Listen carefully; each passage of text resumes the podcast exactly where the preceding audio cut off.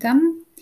Mam na imię Kasia, a to jest podcast dla tych, którzy uczą się języka polskiego z kontekstu. To jest mój drugi podcast i właśnie z tej okazji postanowiłam z Wami dzisiaj porozmawiać o Adamie Mickiewiczu. Ale dlaczego od razu o Mickiewiczu możecie spytać, a nie o czymś lżejszym, ciekawszym, na przykład związanym, no właśnie z czym? I dlaczego wybrałam Mickiewicza, a nie na przykład Gombrowicza, o którym na pewno porozmawiamy w innych podcastach? Albo dlaczego nie Olgę Tokarczuk, polską noblistkę, której książki oczywiście polecam czytać. Jeśli nie po polsku, to w waszym języku, bo ze względu na ogromną popularność książek Olgi Tokarczuk teraz, o ile się nie mylę, jej książki zostały przetłumaczone na 37 języków. A więc dlaczego ten XIX-wieczny, czyli z XIX wieku, zakurzony Mickiewicz? A no właśnie dlatego, że wcale nie taki zakurzony i często wyskakuje nam z innych książek.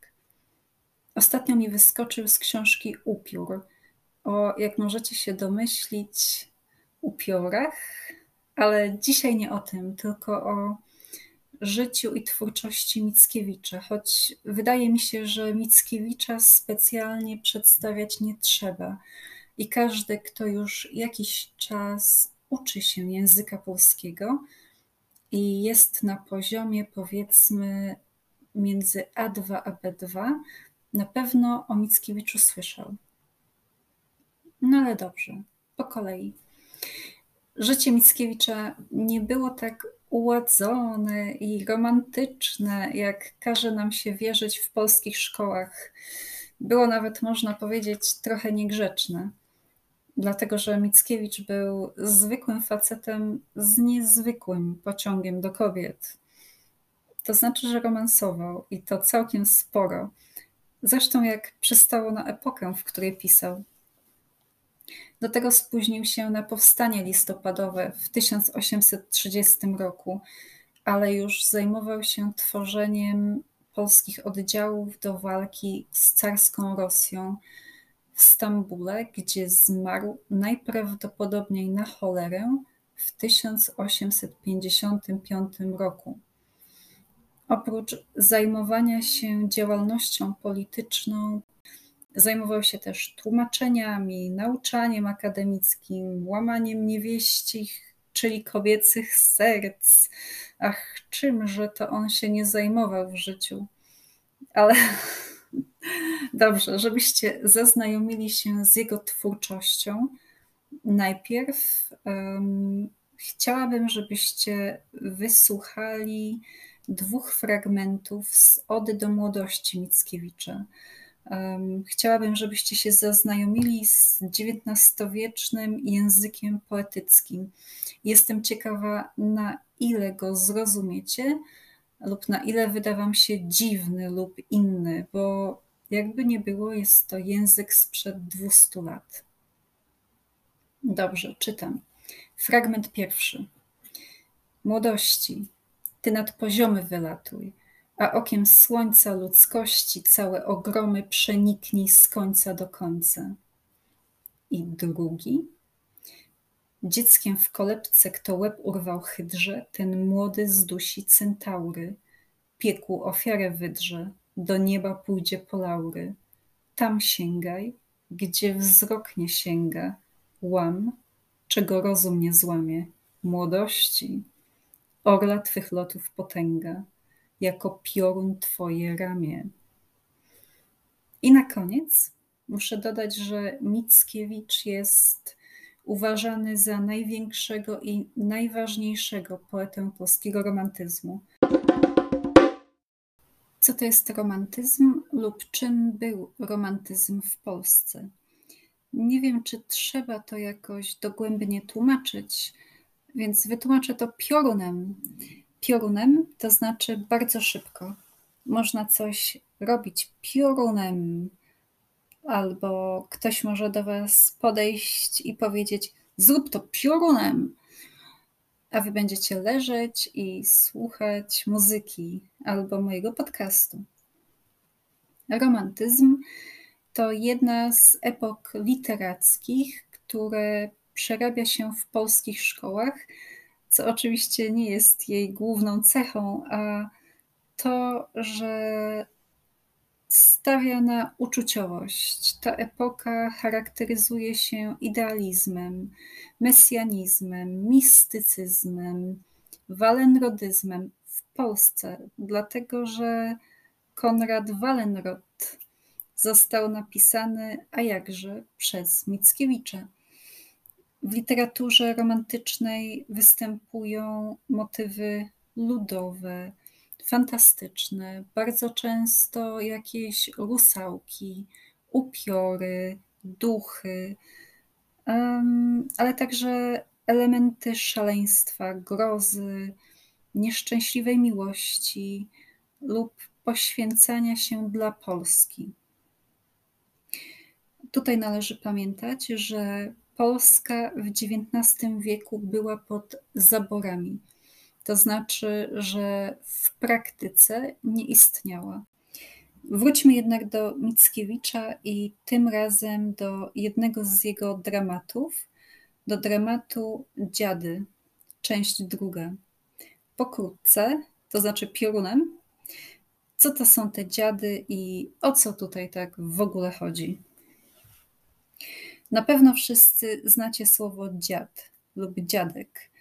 Dziad może być więc przodkiem, ojcem matki lub ojcem ojca, ale także jest to żebrak, kiedyś zwany dziadem proszalnym. Proszalny pochodzi od słowa prosić. Jest to osoba chodząca od wsi do wsi, przynosząca wieści. I pamiętajmy, że dawno temu nie było elektryczności, nie było radia, nie było telewizji, a ludność wsi często była niepiśmienna. Także dziad proszalny spełniał bardzo ważną rolę społeczną, przynosząc wieści z różnych części kraju. I za swoją pracę otrzymywał często zapłatę, czym na wsi zazwyczaj było jedzenie. I wierzono też, że modlitwa dziadów proszalnych, modlitwa dziadów za zmarłych, ma dużo większą moc niż normalna modlitwa. Ale jest jeszcze jedno znaczenie tego słowa. Dziady to przedchrześcijański obrzęd polegający na oddawaniu czci zmarłym przodkom i jest powiązany z wiarą w to, że można nawiązać kontakt z błąkającymi się duszami. Błąkające się dusze to znaczy takie dusze, które nie poszły ani do nieba, ani do piekła, a w dalszym ciągu znajdują się na ziemi. I powiedziałam przedchrześcijański obrzęd, co nie znaczy, że wraz z przyjęciem chrześcijaństwa przestano go obchodzić. Nic bardziej mylnego. Kościół chrześcijański na ziemiach polskich bardzo długo walczył um, nad zniesieniem i potępieniem dziadów jako święta pogańskiego. Podczas tego święta rozpalano ogień, który miał pomóc duszom dojść do domostw, a, czyli do domów, a potem z powrotem na cmentarz. I co tutaj bardzo ważne, to przygotowywano też napoje i poczęstunek, czyli jedzenie dla dusz. Obecnie nie obchodzi się już dziadów, tylko zaduszki. 2 listopada nie rozpalamy już ognisk w Polsce, ani nie zostawiamy jedzenia i picia dla dusz, tylko chodzimy na cmentarz po to, żeby zapalić znicz. Na kanwie dawnych zwyczajów dziadów Adam Mickiewicz oparł swój dramat Dziady. Zaczyna się on w kaplicy, w której znajduje się guślarz, chór i inni uczestnicy, a także przygotowane jadło i napoje dla zbłąkanych dusz. I dlaczego Mickiewicz ze swoimi dziadami jest tak ważny lub powinien być ważny w moim odczuciu dla osób uczących się języka polskiego? Ano dlatego, że Mickiewicz wrył się w świadomość Polaków, trafił pod strzechy, to znaczy do domów, bo musicie wiedzieć, że Mickiewicz chciał być czytany przez wszystkich, nie tylko przez intelektualne elity XIX-wiecznej Polski.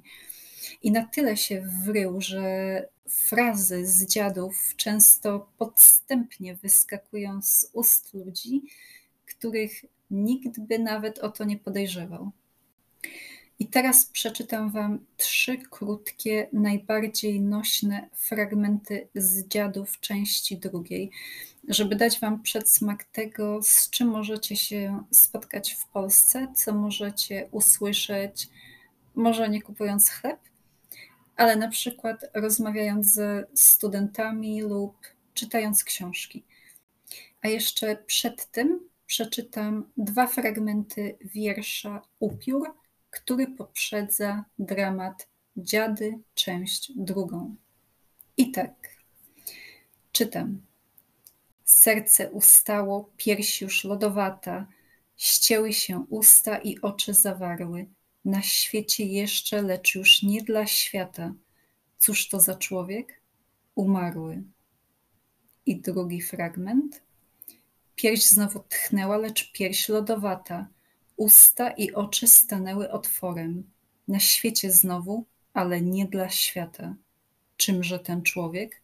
Upiorem. Upiorem, a może widmem, jak dowiadujemy się z samego dramatu. Uwaga, czytam fragmenty dramatu, będące przestrogami lub morałami wypowiedzianymi przez dusze, które przybyły na obrzęd dziadów. I duchy lekkie, aniołki, Józio i Ruzia, poprosiły o ziarnko gorczycy, kojarzonej z goryczą życia. Jako, że nie zaznały życia w pełni, bo były dziećmi, kiedy zmarły, można powiedzieć, że nie doświadczyły w pełni człowieczeństwa i dlatego nie mogą się teraz dostać do nieba. Ziarnko goryczy ma im zastąpić niejako poznanie życia w pełni. Aniołki mówią tak, cytuję: Bo słuchajcie i zważcie u siebie, że według Bożego rozkazu, kto nie doznał goryczy ni razu, ten nie dozna słodyczy w niebie. Potem pojawia się duch ciężki, widmo Pana. Dusza widma Pana wie, że nie będzie zbawiona ze względu na okrucieństwo, z jakim Pan traktował swoich poddanych za życia, jak również ze względu na brak wybaczenia tych, których tak okrutnie traktował. I widmo niejako godzi się ze swoim losem i mówi tak: Tak, muszę dręczyć się wiek wiekiem, sprawiedliwe zrządzenia Boże, bo kto nie był ni razu człowiekiem, temu człowiek nic nie pomoże. Następnie zjawia się dziewczyna, Zosia, zmarła, kiedy miała 19 lat Nigdy nie doświadczyła miłości, jej życie było wieczną zabawą, a swoich absztyfikantów, czyli chłopców, którym się podobała, traktowała jak zabawki, czyli niepoważnie. I teraz Zosia musi za to odpokutować, żeby dostać się do nieba. I mówi tak: Bo słuchajcie i zważcie u siebie, że według Bożego rozkazu, kto nie dotknął ziemi ni razu, ten nigdy nie może być w niebie. A na sam koniec pojawia się tajemnicze widmo, które nie tylko nie odpowiada na żadne pytania, ale też nie ma żadnych przestróg dla potomnych, żadnych morałów, nie chce jadła ni napoju, zamiast tego tylko dziko wpatruje się w pasterkę i wszędzie za nią podąża. Guślarz mówi do widma tak.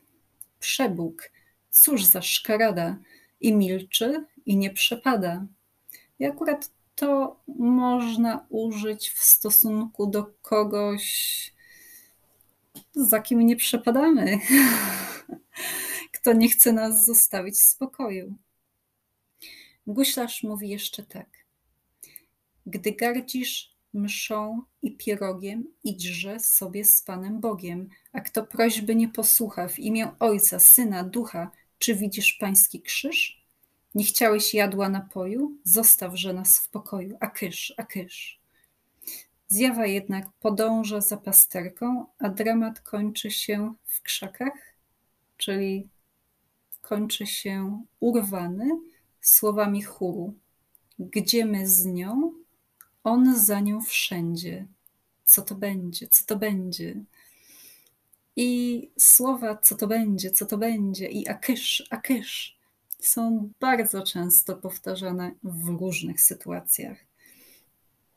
I co to będzie, dowiemy się już nie z tej części dramatu, ale z części czwartej i trzeciej, bo dziady zostały napisane w takiej właśnie kolejności.